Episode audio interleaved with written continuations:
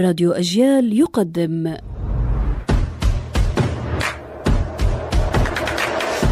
أصل الكلام عارف حجاوي أنجق معناها يدوب وبالفصحى بالكاد. نقول هذه الأرغفة على السفرة أنجق تكفي. وقال المثل اللي بتطلعوا السمرة أنجق يقضيها بودرة وحمرة. وهذا مثل فيه من العيوب الاجتماعية عيبان. أولا يقوله رجل يسخر من عمل امرأته ويدعي أن ما تأخذه من عملها تنفقه على نفسها ولا يكاد يكفيها.